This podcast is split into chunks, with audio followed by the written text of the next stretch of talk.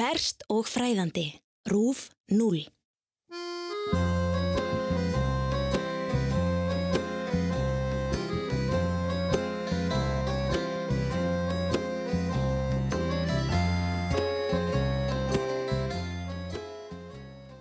Í handrita geimslu brasilíska þjóðskjálasapsins í Rio de Janeiro er gulnað handrit, bara örfáar síður, allar nokkuð tættar og eilitið ormjétnar handskrifaðar.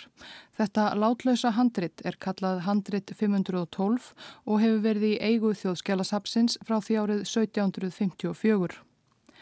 Í handritinu segir frá leiðangri portugalskra landvinningamanna inn í Amazon regnskóin mikla á fyrirluta átjándualdar. Portugaladnir að eigin sögn kvattir áfram af óseðjandi físni, gull og aðra fjársjóði ferðast yfir fjöll og fyrnindi, skóga og mýrar þar til þeir finna sér til mikillar furðu þarna djúft inni í skóginum gríðar stóra en algjörlega mannlausa borg. Við gengum inni gegnum þrjú bógarlið. Bógin í miðjunni var svo hæsti og hinnir tveir minni. Á miðjubógunum sáum við óskiljanlegar áletranir. Fyrir framann okkur var gata eins víð og bógarliðin þrjú og við hana stóðu risastór steinhús, veðruð af elli. Nötrandi af skjelvingu fóru við inn í nokkur þessara húsa og hverki fundu við ummerki um húsgögn eða aðra hluti sem bent gætu til mannvista. Lengra inn í þessari mögnuðu borg sáum við stór tork Í miðju þess var stórfenglegur svartur steinstöpull sem ástóð stitt af manni með hönd á vinstri mjöðminni og hinn hægri bendi í norður. Svona heldur lýsingin áfram. Portugalsku landvinningamennir fara fram hjá hverri stórfenglegri en mannlausir í byggingunni á fætur annari, stórum, breyðstrætum og torkum. Þeir hafa aldrei séð annað eins í nýja heiminum en það hljómar lýsingin á borginni meira eins og lýsing á yfirgefinni París eða Róm en Indiánaþorpi í Amazon. Kanski minnir lýsingin helst á góðsögur sem spruttu upp fljótlega eftir landafundi Evrópumanna í Ameríku um gullborgina Eldorado sem átti að vera að finna einhver staðar djúft inni í skólendi Suður Ameríku. Einhvern veginn lendi þessi frásögn sem sagt í þjóðskjálasafninu í Ríó en þar þótti mönnum hún satt að segja ekki mjög samfærandi og hún vakti ekki mikla aðtikli. Mart annað í safninu þótti munum merkilegra. Svo plagg landvinningamannana safnaði nú Riki mjög lengi.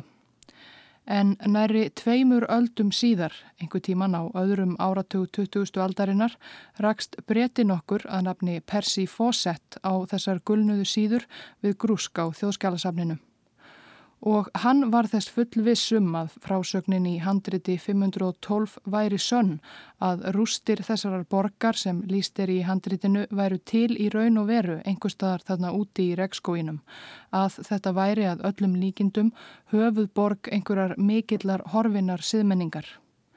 Hann varð á endanum heldtekinn af tilugsuninni um að feta í 200 ára gömul fótspór portugalsku landvenningamannana og sjá rústir þessarar miklu borgar með eigin augum.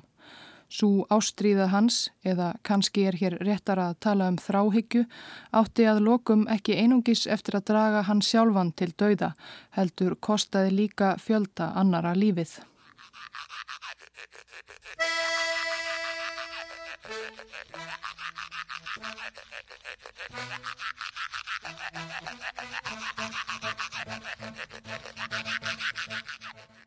Persi þessi Fawcett fættist í hafnabænum Torki í suðvestur Englandi árið 1867.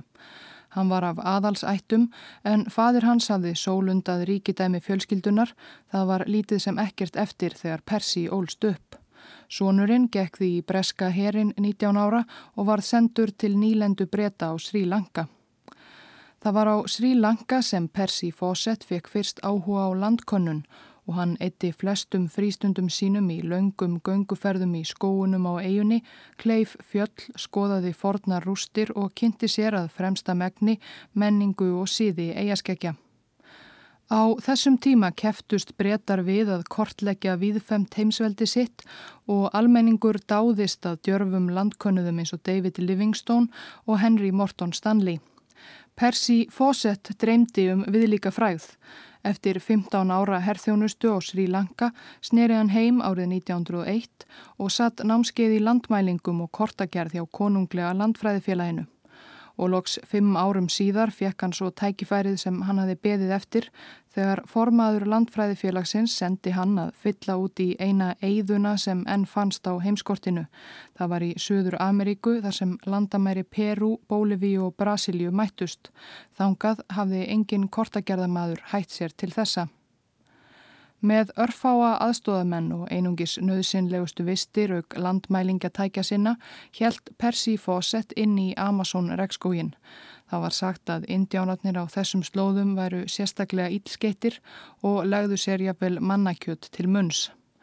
En Fawcett var óhrættur og brindi fyrir mönnum sínum að ógna ekki innfættum eða reyta þá til reyði. Í margar vikur óðan drulluna í rekskóginum og kom tilbaka með nákvæm kort af áður óþektu landsvæði. Þessi fyrsti leiðangur kom honum á bragðið.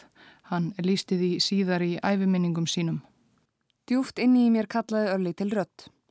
Fyrstum sinn svo látt að hún heyrðist varla en hún helt áfram að kalla þar til ég gati ekki lengur hunsaðana. Þetta var kall óbyggðana og ég vissi að það væri orðið hluti af mér að eilífu. Þótt óskiljanlegt og ótrúlegt væri þá elskaði ég þetta helviti.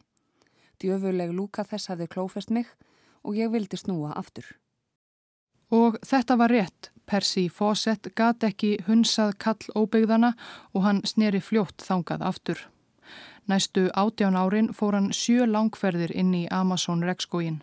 Hann ávann sér orðspor hjá konunglega landfræðifélaginu heima í Breitlandi að vera sérlega harður af sér, reyðu búinn að þóla meiri þjáningar og meiri pínu en jáfnvel reyndustu, harðsvírugustu könnuðir, hvort sem það var torfært rekskóar landslægið, kæfandi hitin, skortur á mat og öðrum vistum eða hitabelti sjúkdómar.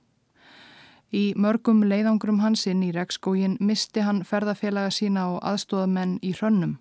Þeir dói úr sjúkdómum eða næringarskorti en alltaf harkaði Percy Fawcett af sér og helt ótröður áfram lengra inn í hitt ókunna. Leiðangrar hans voru heldur alls ekki til einskis. Hann kortlagði ótalsvæði sem áður voru vesturlandabúum óþægt en hann taldi sig þó ekki hafa fundið köllun sína fyrir hann las párið á gulnuðu ormjetnu síðunum í handriti 512 á þjóðskjálasafninu í Rio de Janeiro.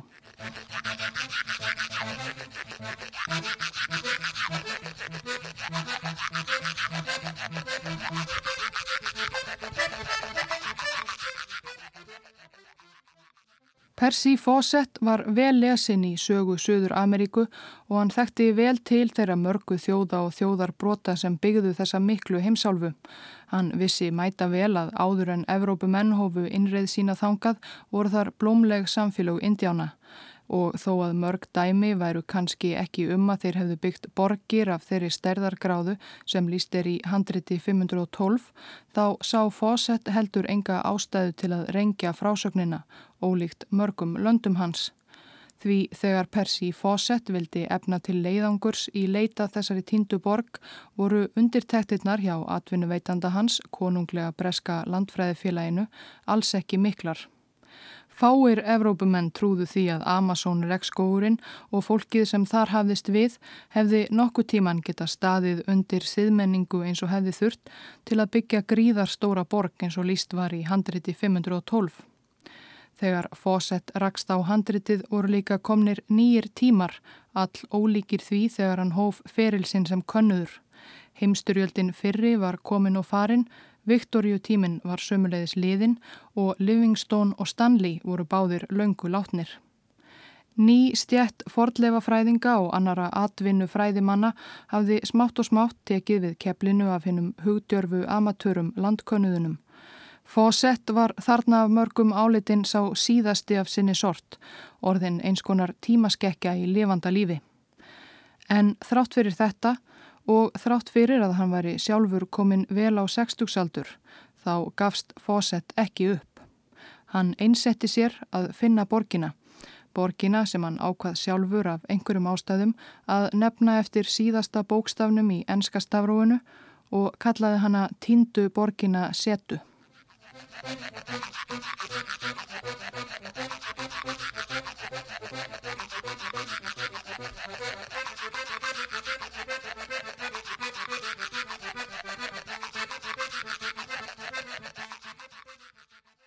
Fawcett stúderaði tekstan í handriti 512 nákvæmlega. Hann reyndi að kortleggja leiðina sem portugalsku landvinningamennir fóru og lág yfir landakortum, sögubókum og góð og þjóðsögum úr rekskóinum í leitað vísbendingum um hugsanlega staðsetningu borgarinnar. Við vitum ekki nákvæmlega hvernig hann fór að því, það er einn af fjölmörgum leindardómum þessarar sögu, en á endanum komst Fawcett að þeirri niður stöðu að borgina sem hann kallaði setu hliti að vera að finna einhver staðar í skóginum í grend við Ána Singu sem rennur út í Amazon fljótið sjálft í því fylki Brasilíu sem heitir Mato Grosso. Mato Grosso er þriðja stærsta fylki Brasilíu og Amazon skóurinn þekur um helming alls landsvæðis þess. Mato Grosso þýðir einfallega þykkur skóur og fylkið ber það nafn með rendu. Regnskóurinn er óvæginn á þessum slóðum. Landkönnuður og ferðamenn á þessum tíma kolluðu margir Mato Grosso græna helvítið. Fawcett reyndi fyrst að leita borgarinnar árið 1920 en hann var ekki búinn að ferðast nema í nokkra daga og var ekki komin langt áleiðis þegar hann veiktist og gæti ekki haldið áfram. Með óráði af hita skautan hestin sinn sem var einnig orðin veikburða og tókst svo með naumyndum að skrýða aftur til byggða. Hann merti það inn á kort hvar hann skaut hestgreið og nefndi staðin döðshestsbúðir. Hann hétt því að komast lengra inn í skógin í næstu tilraun. Það var þó ekki fyrir árið 1925. Þá lagði fósett af stað inn í rekskógin í leitsinni að borginni setu í annað sinn. Konunglega landfræðifélagið hafði styrt alla leiðangra fósetts í Suður Ameríku til þessa en félagsmenn höfðu litla trú á þessu hugðarefni hans og því var það nú að leita annað eftir fjárhagslegum stuðningi. Eftir nokkuð hark tókst honum að tryggja sér fjárhagslegan stuðning bandaríska landfræðifélagsins. Þar höfðu menn enn áhuga á svo romantískum leiðangrum eins og Fawcett sjálfur orðaði það. Hann gerði sömulegðis samninga við dagbluð og fréttastofur viða um heim um að senda þeim fréttaskeiti gegn borgun. Til að halda kostnaði síðan í lámarki hafði hann bara tvo breyta með sér í þetta skiptið. Það var sonur hans, Jack Fawcett, 22 ára og jafnaldri hans og vinur, Raleigh Rimmel. Þetta voru hraustir piltar en hvorugur hafði nokkra reynslu af ferðalögum í rekskóginum. Með í för voru einnig tveir brasilískir burðarmenn, átta múlasnar, tveir hestar og tveir hundar. Persi var, þegar þarna er komið sögu, orðin 57 ára gamall. Hann var lang elsti liðsmaður leiðangursins hárið grátt og farið að þinnast en hann var í góðu formi að öðru leiti eins og hann hafði verið allt sitt líf hávaksinn og sterkbyður. Góður vinur Percy Fawcett heima á Englandi var rittvöndurinn Arthur Conan Doyle. Bókin The Lost World, Horfin Veröld sem Conan Doyle gaf út árið 1912 fjallar ymitt um leiðangur breyta djúft inn í Amazonskógin og margir telja að bókin sé byggð á ævintýrum vinar höfundarins Percy Fawcetts. Sér í lagi hafa menn bent á personuna Roxton Lávarð. Conan Doyle lýsir honum sem blöndu af Napoleon III og Don Quixote þó með eðli enska sveitaherrans. Kanski átti þessi lýsing einnig við um Percy Fawcett þar sem hann stikaði inn í rekskóin í leitað rústum horfinar siðmenningar.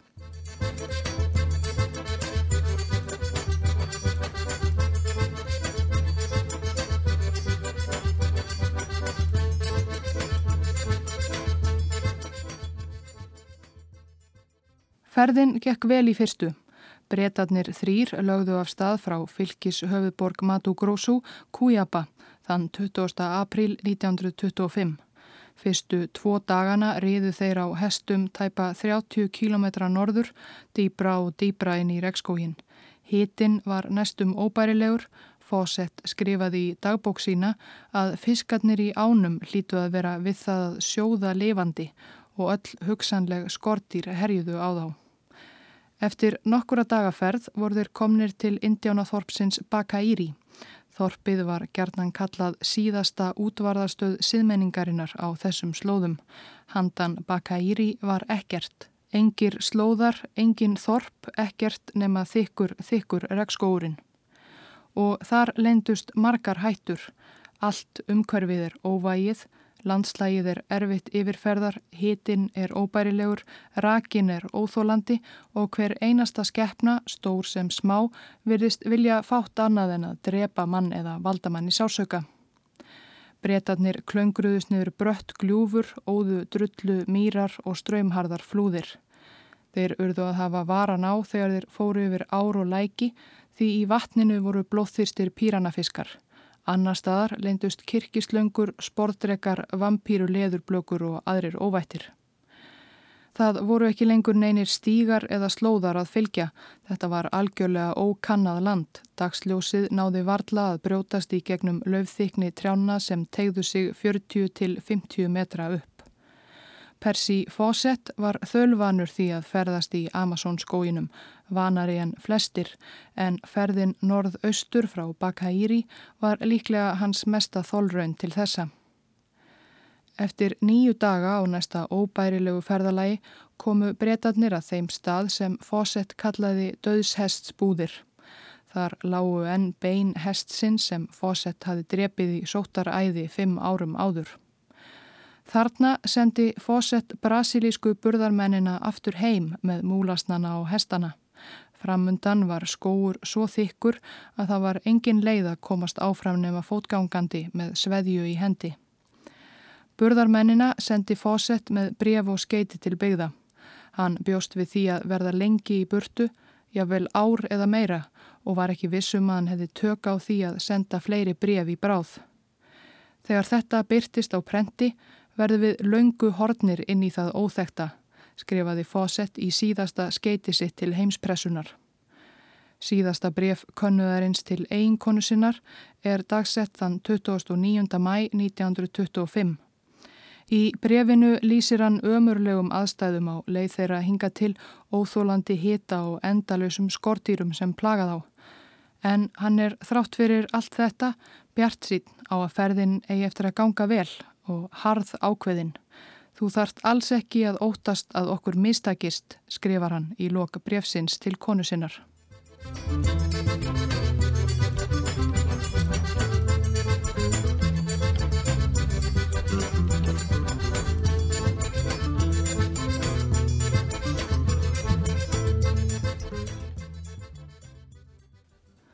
En eitthvað virðist þó hafa farið úrskeiðis Því Percy Fawcett sást aldrei meir, nýjaheldur sonur hans Jack og vinur hans Raleigh Rimmel. Fawcett let aldrei í sér heyra aftur. Brasilísku burðarmennir voru þeir síðustu sem sáu bretana þrjá á lífi að vita þeir og brefin sem þeir hafðu með í för voru síðustu skilaboð Fawcetts. Síðasta hetja landkönnunar virtist vera horfin inn í skóarþyknið. Það leið auðvitað nokkuð langur tími þar til nokkur áttaði sig á því að Fawcett og félagar væru hornir. Fawcett hafði enda lísti yfir áður að hann erði lengi í burtu, jável ár, og gæti lítið sem ekkert haft samband við umheimin handan regnskóarins. En þegar komið var fram í janúar 1927 og ekkert hafði spurst til Fawcetts og föruneytis hans í hátt í tvö ár fóru mennað ókýrast í höfuðstöfum konunglega landfræðifélagsins í Lundunum. Því var þá formulega líst yfir að Percy Fawcett væri tindur. Næstu daga bárust landfræðifélaginu mörg hundruð bref frá sjálfbúðaliðum sem buðu fram krafta sína að halda inn í rekskóin í leitað Percy Fawcett frá reyndum sem óreindum. Margir sáu það vafalust í hyllingum að verða næsti Stanley og finna hinn söður ameríska Livingstone. Og hvað varð eiginlega um Fawcett og ferðarfélaga hans? Þessu veldu allir fyrir sér.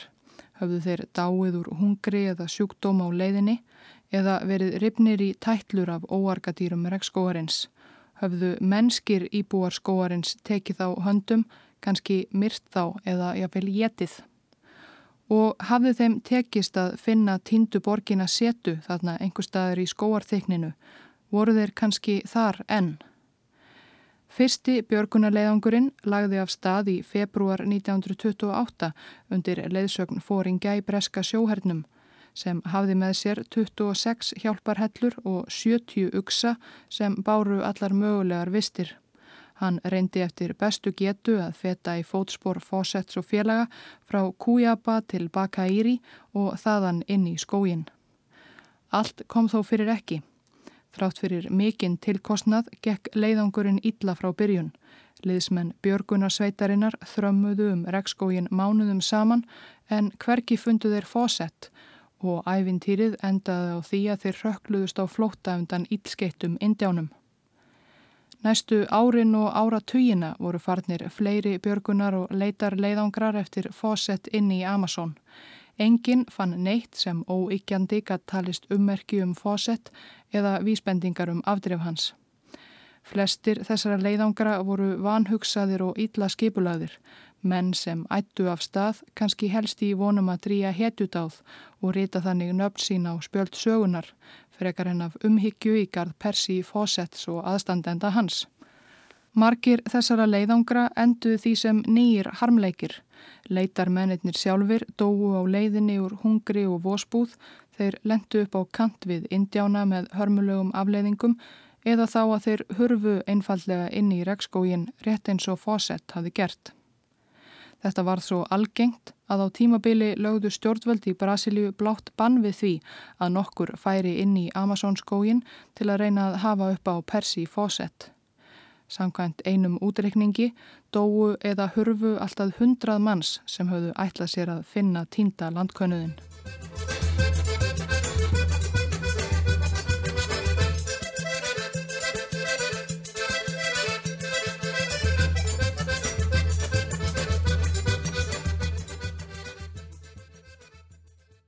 Hvarf Percy Fawcetts hefur síðan verið þekkt sem einn mesta ráðgátan í sögu landkonnunar. Fawcett sjálfur var vel meðvitaður um þá samkeppni sem landkonnuður af hans tægi voru sífælt í hvor við annan. Hann sagði oft að hann vildi fátt síður en að enda eins og landi sinn og kollegi Robert Falcon Scott sem varð næst fyrsti maðurinn á Suðurpólinn. Hann vildi ekki bara koma til borgarinnar setu, heldur vildi hann öllu fremur verða fyrstur til að finna hana. Hann gætti kenninga sinna um staðsetningu borgarinnar því mjög vel. Það kom þannig ekki í ljós fyrir mörgum áratugum eftir að hann kvarfin í rekskógin að nýtin sem hann hafi gefið upp til aðstandenda sinna um staðsetningu döðshestbúða voru kolröng. Þetta gerði auðvitað það verkum að margir þeirra björgunar leiðangra sem sendir voru út á eftir fósett voru á villigötum frá upphafi. En hvað var þá um fósett? Í gegnum árin hafa orðið til ótal kenningar um afdrif hans og þær misgáfulegar.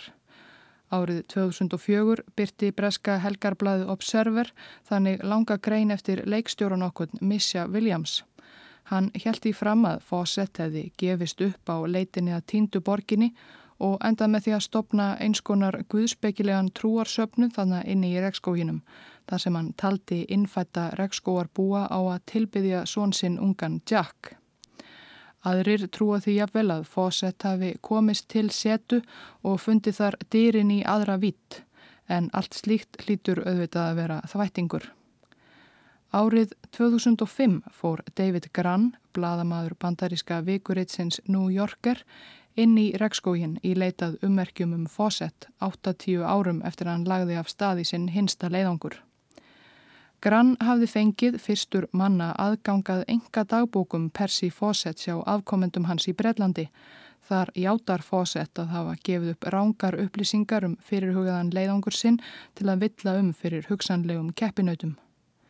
Í dagbókunum var einnig að finna nákvæmari og réttari upplýsingar til dæmis um raunverulega staðsetningu döðshest spúða þaðan sem Fawcett skrifaði sitt síðasta bref til byggða. Grann gati fetaði raunveruleg fótspór Fawcetts líklega fyrstur manna en það varð honum kannski mest ágengt af öllum þeim ótalumönnum sem hafa lagt af staðin í rekskógin í leitað Percy Fawcett undanfarnar nýju áratugi. Grann rætti meðal annars við öldunga af þjóð Kalapalo indjána. Þeir búa á bökkum árinar Singu þar sem Fawcett trúði að borgina setu værið að finna. Blaðamæðurinn komst að því að Kalapalo fólkið varðveitti í munlegri geimt sögu um þrjá kvíta menn sem byrtust á yfiráðasvæði þjóðflokksins daginn fyrir langa löngu, mörgum áratugum. Það var fyrir svo löngu að þegar þetta gerðist höfðu margir Kalapalómenn aldrei séð kvítan mann áður. Tveir kvítumannana voru feðgar, sagði sagan. Þeir gistu í Kalapaló þorpinu í nokkra daga en ætluðu síðan að halda lengra í austur átt. Kalapaló fólkinu var vel til kvítumannana því vöruðu þeir þá við því að fara lengra austur. Þar byggu óvinnir þeirra, annar indjána þjóðflokkur sem var ekki eins gestur í sinn. Þeir voru grimmir þarna austur frá, sögðu öldungar Kalapaló mannana. En þrátt fyrir allar fortölur voru kvítumennir staðráðinir í að halda áfram og svo lögðu þeir af stað og sáust aldrei meir. Kanski voru þessir kvítu feðgar, Percy og Jack Fawcett og þriðji kvíti maðurinn þá Raleigh Rimmel. Kanski auðvir hunsað tilraunir velviljaðra Kalopalo indjánana og haldið upp í opið geðið á ílskeittari indjánaþjóð sem hafði þá tekið á til fanga eða einfallega drepið á.